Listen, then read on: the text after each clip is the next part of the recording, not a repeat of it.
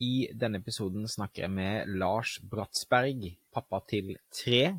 Tidligere Google har annet tatt familien sin ut av Norge og levd to år i Hongkong. Meg og Lars har en god prat om hvordan det er å være pappa, hvordan det er å reise, hvordan det er å flytte, hvordan det er når barnet blir eldre. Så her er vi innom masse gode, viktige lærdommer. Lars er en god venn og en person jeg ser opp til, som er en veldig god pappa, så her har vi masse å lære.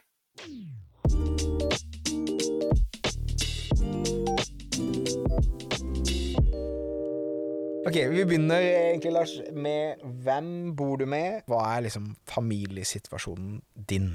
Familiesituasjonen er gift. Mhm. Vært sammen siden 98. Gift i 2004, så det vil si at i år så er det 19 år, da. 19 år. Ja. På den tiden så har vi fått tre barn. En som er 17, en som eh, er 16, og en gutt på 9. De to eldste er jenter. En berømt attpåklatt. Skikkelig attpåklatt. Og, og hvorfor attpåklatt? Min kone hadde vel alltid hatt lyst på, på tre barn. Etter to veldig tette, så, eh, og vi kom ut av den tåka, så var jeg veldig tydelig på at nå eh, trenger jeg litt space. Ja. Eh, og bare nyte at jeg kan lese avisen eh, og drikke en kaffekopp uten å, å krabbe rundt på gulvet, liksom. Eh, så, så det var nok litt sånn Jeg er jo enebarn, eh, så bare det å få to barn var liksom nok å forholde seg til. Og så er det vel som mange at man opplever en liten dipp i forholdet etter å ha vært i en sånn barnetåke. Ja. Så vi bestemte vel oss også for å, å ta tak i det. Og når vi kom ut av det og liksom hadde funnet hverandre igjen, og spørsmålet kom opp, så var det på en måte mer en glede å si at ja, la oss prøve å få et barn til. Fordi jeg visste at det var et av hennes største ønsker, og, og jeg følte også at uh, nå er jeg der at det, det blir noe å glede seg til. Hvordan var den, eh, kall det andre runden, da, eller det ble egentlig tredje runden, men det var jo såpass tett mellom de to første. Følte du det var stor forskjell på det å, være, å liksom bli pappa på nytt da, og hvordan du taklet det, og hvordan du liksom forholdte deg til det kontra første gangen? Ja, altså, det er to verdener. Da hadde du jo eh, Vi hadde jo da at jentene var syv og ni, eller seks og åtte, eh, når, eh, når Mats kom. Ja. Ehm, og sant, begynt på skolen, og du er, liksom, du er der med de. Eh, og det å, å få en til, så har du har en trygghet. Det er en masse ting du ikke er redd for, fordi Ja. du vet at dette går fint. Og det tror jeg på en måte også barnet føler på, at det er en, en sikkerhet og en trygghet som er mye større, da. Ja. Ikke at de nødvendigvis blir så annerledes, men jeg bare tror at liksom Det også, ikke minst så har man jo fire mennesker i huset, da. Ja. Som er liksom i hvert fall store nok til at uh, det går an å si Kan du passe på Mats mens jeg går og tar en dusj? Ja. Og så vet du at det, eh, at det går bra. Ikke sant? Um, så det gjør liksom at eh, liksom den der berømte liksom barnelogistikken er litt enklere når du hadde litt eldre barn med, med, med tredjemann. Ja. Så Så litt mer støtte og litt mer trygghet og ro ja. på det. Mm. Men det er jo altså tre barn, to voksne. Det er jo mye logistikk, da. Altså, jeg Ja, altså, det, er jo, det er jo et hamsterhjul eh, uten like. Ja. Og det har vi jo bare utvidet, det hamsterhjulet. Selv om eh, eldste skal på sesjon nå denne våren og har lyst til å gå i militæret, og det er sånn kjempestas. Ja. Um, så har vi jo Og si at hun da forsvinner ut da, om et års tid eh, og drar i militæret, eh, så har vi liksom en på ti år hjemme. Ikke sant? Så det er jo ti år igjen da, Ja. med det. Yes. Og den utvidelsen er jo noe man kan se på som sånn ja, herregud, ti år til med fotball og hockey og kjøring og, og dill og dall. Men på den annen side så er det jo Altså, Hadde det ikke vært for det, så hadde vi jo Det hadde blitt veldig tomt, da. Så vi har liksom bare egentlig strukket det derre at det er liv i huset, og det eh, tror jeg vi liksom setter kanskje mer pris på nå, hvor vi ser at de andre liksom er mer ute og farter og mindre hjemme. At man liksom har noen som, som er der, da. Fordi det er jo bare en Altså, det å bli pappa eh, er jo helt fantastisk. Ja. Eh, altså tiden fra før og etter det å bli pappa for første gang, er jo liksom Det er to verdener. Ja. Og du kan ikke forklare det til de som ikke er pappa, men du må bare si at bare Embrace me. yourself. Ja. Men det blir annerledes, og du kommer til å elske det. Ja. Eh, selv om det er litt sånn røft og, og, og sånn i de første årene, så er det jo på en måte liksom Det er jo bare et nytt aspekt av livet som, eh, hvis man har lyst på barn, er veldig, veldig berikende. Ikke sant. En ting som jeg syns har vært veldig spennende når dere snakker Altså når vi har snakket om barna deres, hva de gjør, aktiviteter og sånn. Både du og kona di har jo krevende jobber og gode karrierer, og ofte så ser man at den ene må liksom sette ting på pause for den andre osv. Men begge dere, ja kanskje når dere er ute og reiste, så er det litt annerledes, men i utgangspunktet så har jo dere vært flinke til å også mestre den jobb-karrieredelen parallelt med barn, eller? Ja, mestre vet jeg ikke om liksom alltid er det ordet jeg ville Ok, definert. det Kastet seg inn i, eller vært inn i, eller liksom uh... Det er jo liksom utrolig hva man får til, da. Ja. Um, men det krever jo at man er et godt team, da. Og det er jo litt sånn uh, Ja, på et punkt så var ikke vi var kanskje veldig Vi var kanskje mer et team enn vi var kjærester. Eh, og så er det den balansen med å få til begge deler. Å jobbe godt sammen og liksom Det blir som en liten bedrift som bare skal gå fungere bra, samtidig som du også jobber i en bedrift som gjerne vil at det også skal gå bra. Ja. Så det er jo den største liksom, utfordringen. Og hvis ikke det liksom er et velsmurt maskineri, så, så tror jeg det på en måte er vanskelig. Hvordan smører man det maskineriet, da? Hva, liksom, hva, hva, hva slags ting føler du at du har gjort riktig, hva slags ting har du eventuelt gjort feil og lært og korrigert da, som kan være nyttig for andre å høre på? Altså, jeg mener jo at det er bryllupsdager, da, eller eventuelt en eller annen dag man har eh, i forholdet, som bør feires. Fordi hvis du kan feire den et år til, så har du på en måte investert eh, riktig i det siste året for at du faktisk har retten til å, å feire det. Ja. Bursdager kommer litt av seg sjøl. Ja. Og jeg tror jo at det handler om å se hverandre Ja. i hverdagen.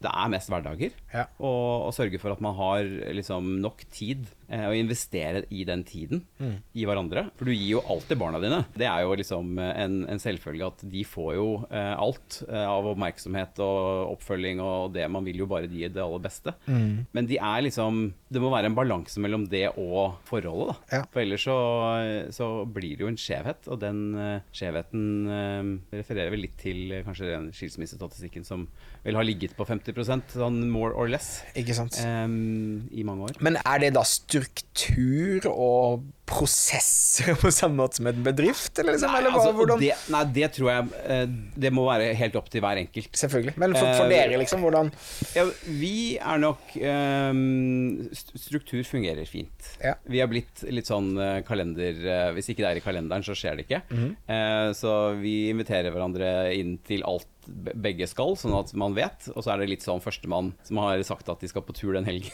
og har liksom Ja. forkjøpsrett. Yes. Ja, men, uh, men det er bare for å ha det overblikket, sånn at ikke noe går i glemmeboka. Mhm. Så det fungerer bra for oss. Eh, Felleskalender, eller bare inn i hverandres kal- jobbkalendere? Nei, eller? i hverandres jobbkalender, Ja. eller eh, den kalenderen du, du vil. Ingrid, min kone, vil ha det i jobbkalenderen, for hun orker ikke å forholde seg til flere kalendere. Ja, ja. Jeg eh, Du vil ha 16 kalendere? vil, eh, kan forholde meg til flere kalendere. Yes. Eh, men det er jo det spillet, det finner man en løsning på. Eh, min kone er veldig flink til å lage ukesmeny. Ja. Så vi planlegger prøver, og jeg har sikkert ikke gitt henne nok redd for dette, men fordi jeg, jeg, jeg syns egentlig ikke Eller jeg liker, jeg liker det, men jeg liker det ikke.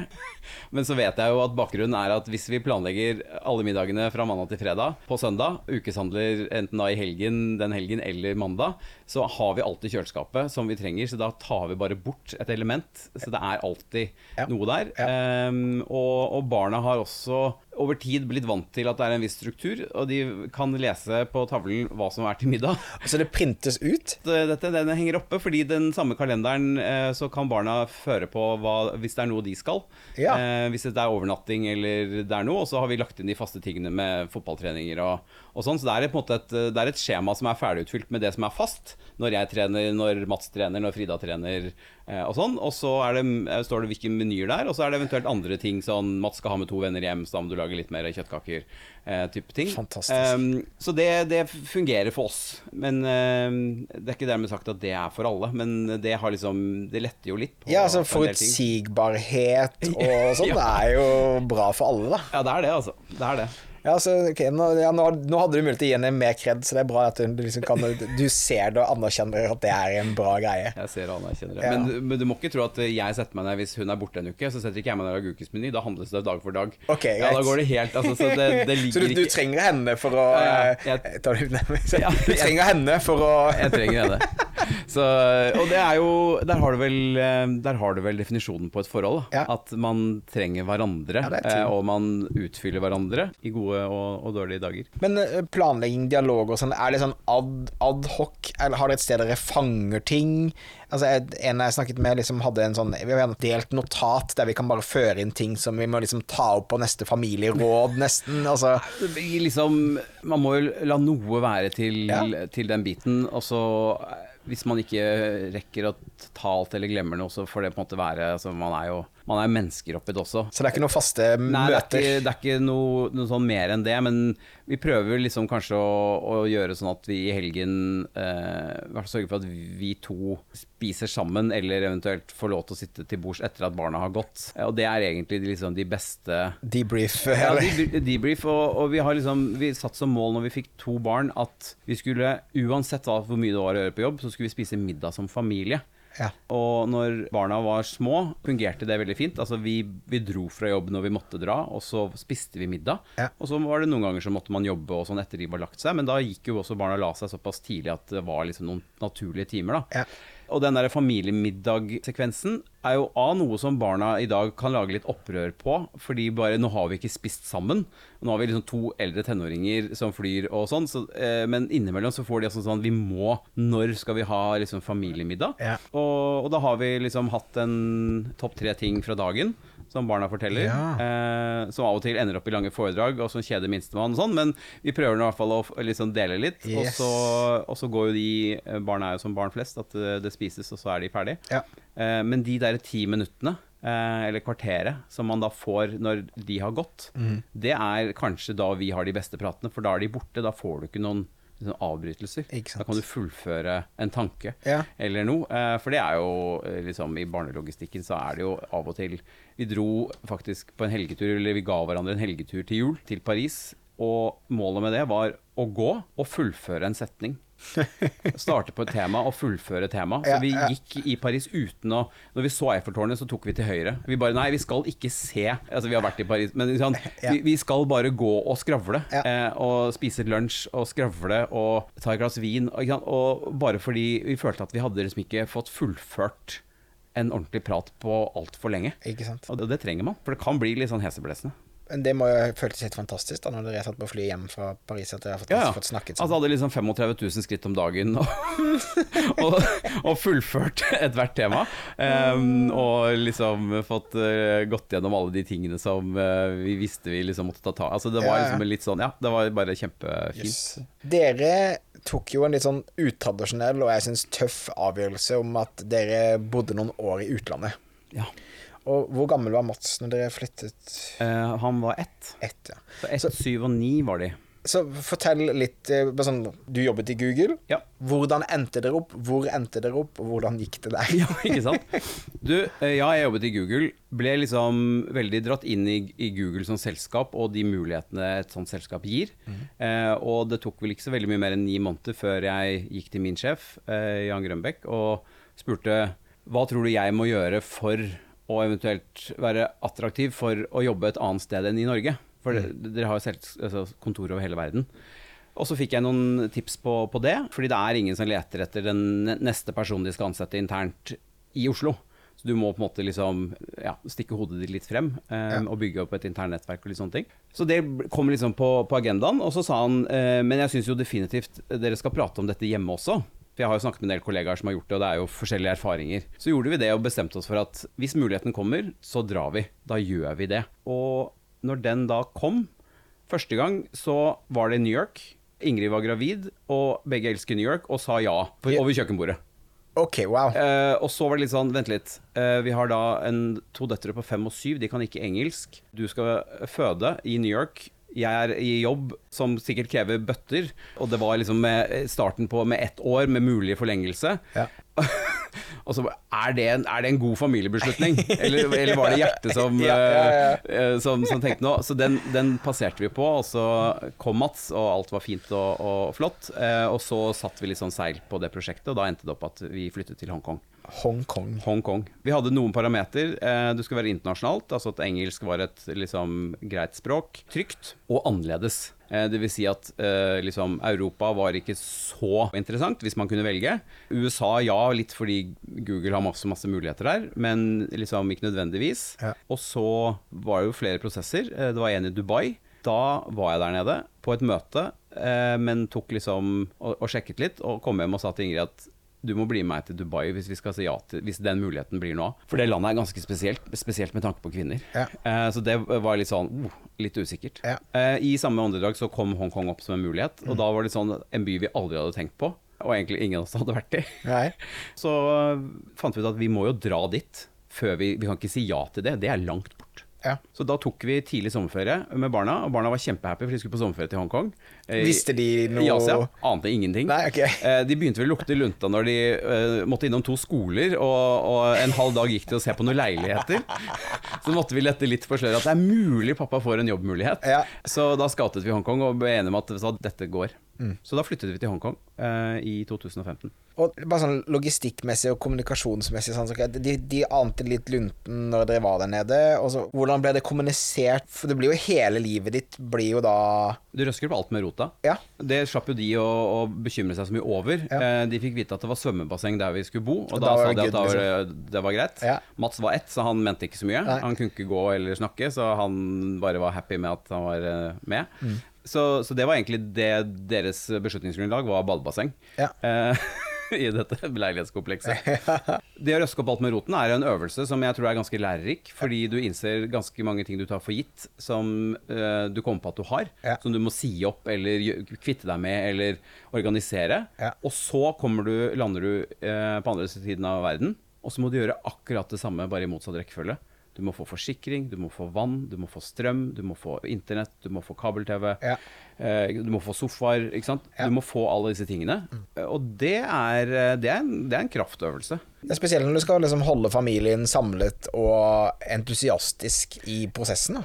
Og hvis du snakket om dette med å liksom balansere karriere og, og familie, så tok jo eh, da Ingrid det valget å forlate sin jobb, Ja. um, bli med, eh, og investere i utgangspunktet, i hvert fall det første året, i at barna hadde det bra. Eh, hun fikk et år til med Mats, som var ett til to, eh, men barna kunne ikke engelsk. De begynte på engelsk skole. Det var en lekseoppfølging fordi de ikke skjønte hva det sto, selv om liksom, svaret var to pluss to er fire, så var det liksom noe annet. Det het ikke pluss, det het edition, eller Ikke sant? Så hun gjorde jo en fantastisk innsats for å få det opp å stå. Det var hun som var på Ikea og byttet ut leiesofaen med en Ikea-sofa, og møblerte sånn sakte, men sikkert. Yes. Eh, ikke sant? Alt og fikk opp kopper og kar. Ja. Sånn, jeg dro jo på jobb, Ja. og måtte jo levere på det, naturlig nok. Så hun tok jo en for laget. Utrolig kudos til henne, men samtidig, hvordan føltes det for deg, da? Hadde du dårlig samvittighet? Altså, vi var jo litt sånn det, altså, Vi følte oss jo helt crazy eh, som gjorde det. Og ser jo bare tilbake på det som verdens beste familiebeslutning. Eh, Hvorfor det? Fordi de antakelsene vi hadde om det vi hadde lyst til å få ut av det, at det var et familieeventyr, det var sånn vi beskrev det for barna. Nå skulle vi oppleve masse nytt, vi skulle se masse nytt. Vi som voksne håpet jo at opplevelsen skulle gi de perspektiv. Eh, litt utover det man får når man bor i en, eh, en villavei, hvor liksom eh, misunnelse er at naboen har litt større trampoline. Ja. Og det å bo i et multinasjonalt, multikulturelt miljø, både å gå på skole og, og sånn, at det liksom skulle være en verdi, da. Som de tar med seg videre i livet. Um, og det er jo liksom en, blitt en, en gave som gir ennå. Ja. Eh, vi ser at barna på en måte reflekterer og tar eh, kanskje litt andre, andre valg, eller har et annet ståsted på ting. Ja. Så det har jo vært en helt fantastisk eh, sak. Men det er klart at det er beintøft å flytte med tre barn. Ja. Det er det ikke noe tvil om. Men vi ville gjort det igjen, eh, når du vet hva du får. Og så er det ganske greit at du ikke vet hva du går til. Ellers Ja. tror jeg ikke du Det er litt Jeg vet ikke. Altså, ja. Litt, tror- litt som å bli pappa første gang også. da. ja, altså at man rett og slett bare uh, har det uh, ikke vet. Ja. Uh, fordi da må du bare fikse det. Det tok meg nesten to måneder å få opp en bankkonto i Hongkong.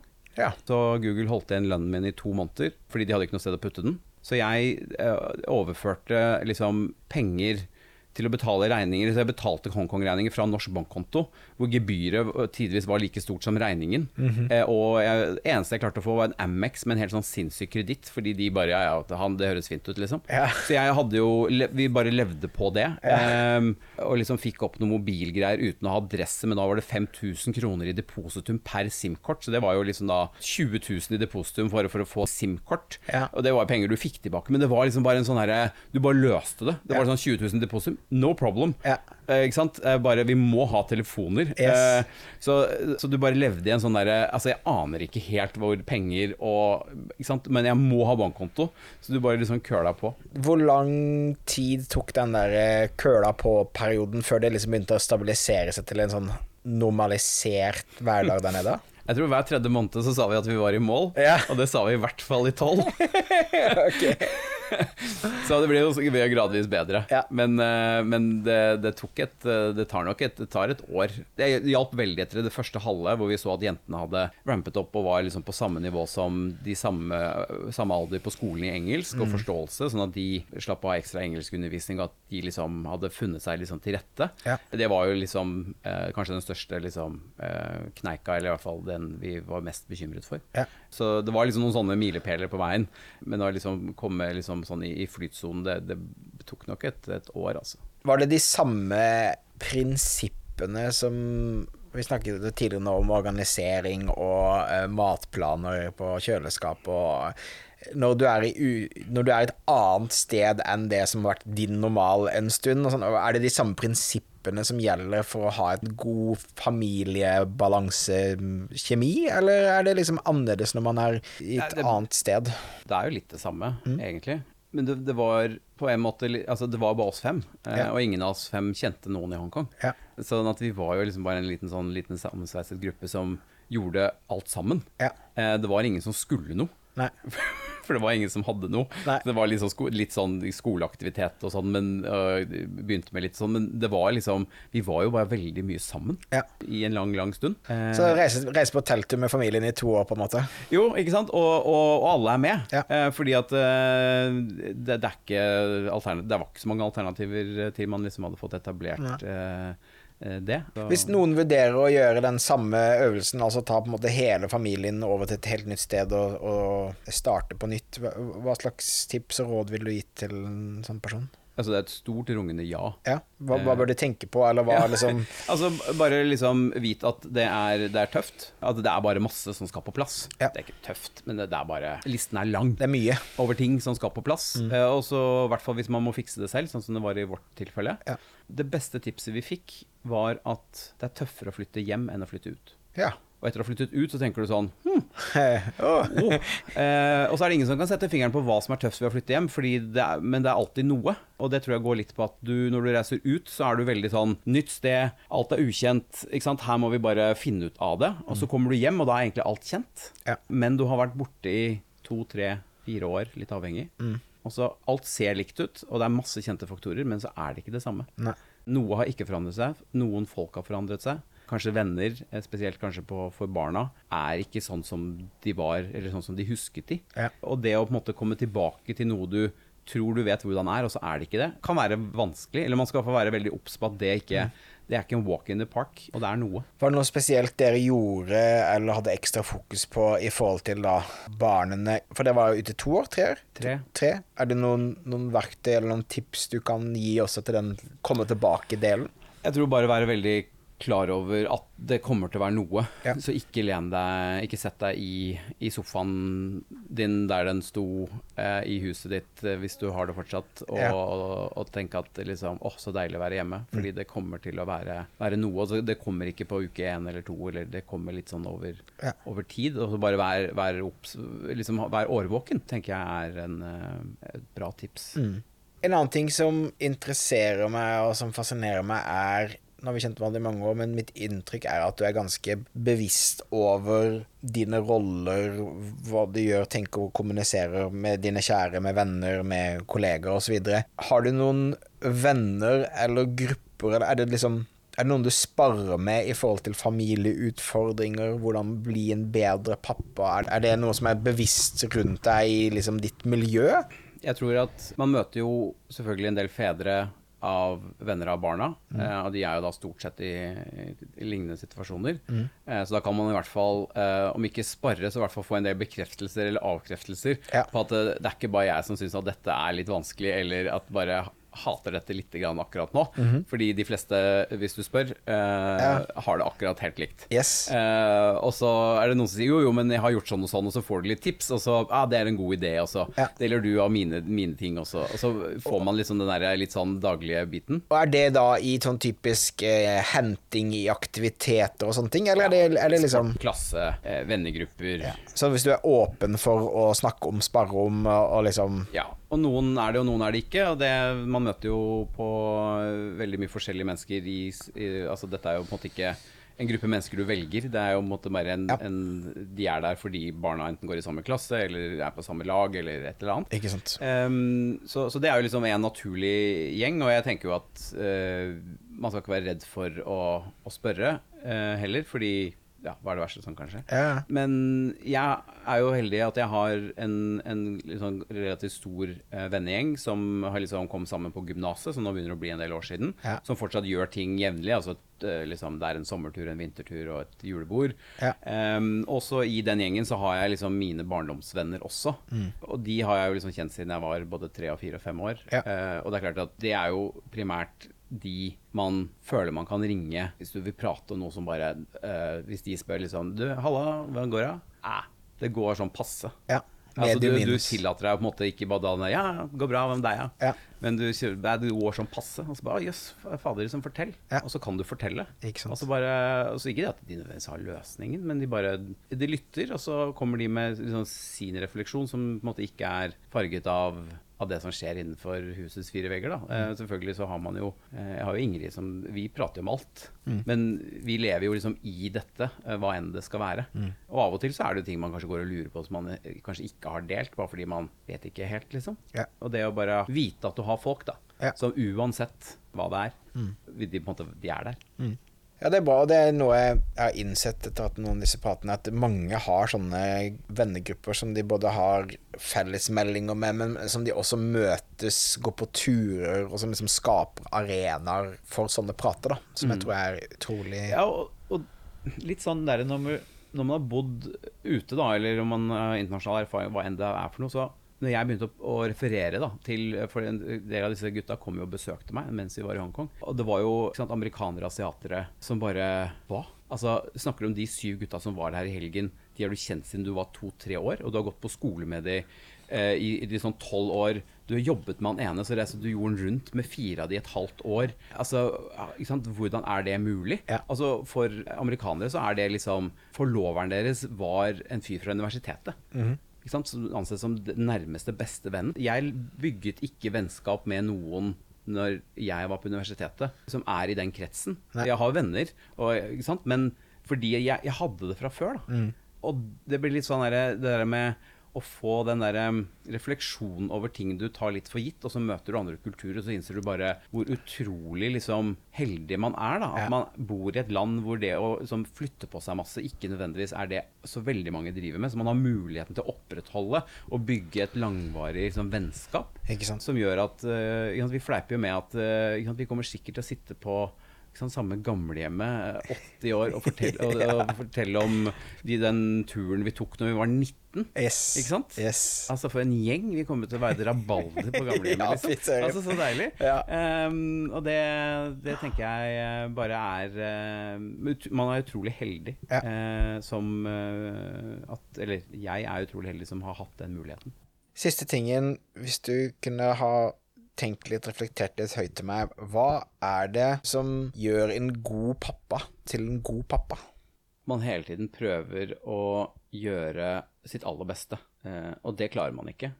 Alltid. Vi begge endte opp å skrive en bok fordi vi definitivt ikke lykkes med å eh, gjøre vårt aller beste. Telefonen kom litt i veien. Men vi tok i hvert fall tak i det og gjorde noe med det for vår egen del. Det er jo en læringsprosess, og jeg tror også barn aksepterer at det er sunt at de ser at det er lov å gjøre feil, eh, så lenge man lærer av, av de feilene. For det er ingenting som heter en perfekt foreldre. Men det at man er der og på en måte har eh, liksom et sett med sunne grunnverdier Eh, altså Det er lov å gjøre feil, men liksom man må være ærlig og oppriktig, og selvfølgelig liksom kjærlighet og ja, Det er sånn i, i bånn av Maslow-pyramiden Ja. I, i stor grad. Det tror jeg på en måte liksom Det er det det bunner og, og grunner i. Eh, fordi liksom det derre Jo, men jeg skal være der hele tiden og være til stede. Altså Alle vet jo at det er jo bare en joke, for det klarer du ikke. 100% Du bør gjøre ditt aller beste. Og det må liksom være godt nok, og det sier jeg også til mine barn. At liksom, hvis jeg vet at du har gjort ditt aller beste, så bryr jeg meg ikke noe om karakteren på den prøven, eller hva enn det skal være. Så lenge du har gjort ditt aller beste, så er det godt nok. Jeg synes det er en fantastisk eh, sted å slutte, faktisk. For jeg tror det er kjempeviktig å ta inn over seg. At man aldri blir den perfekte forelder, men at man hele tiden bare jobber med å gjøre den innsatsen man kan gjøre. Så tror jeg man kommer mye lenger enn mange andre. Man kan alltid bli litt bedre. Ja, fantastisk. Takk for tiden din, Lars. Du, takk i like måte.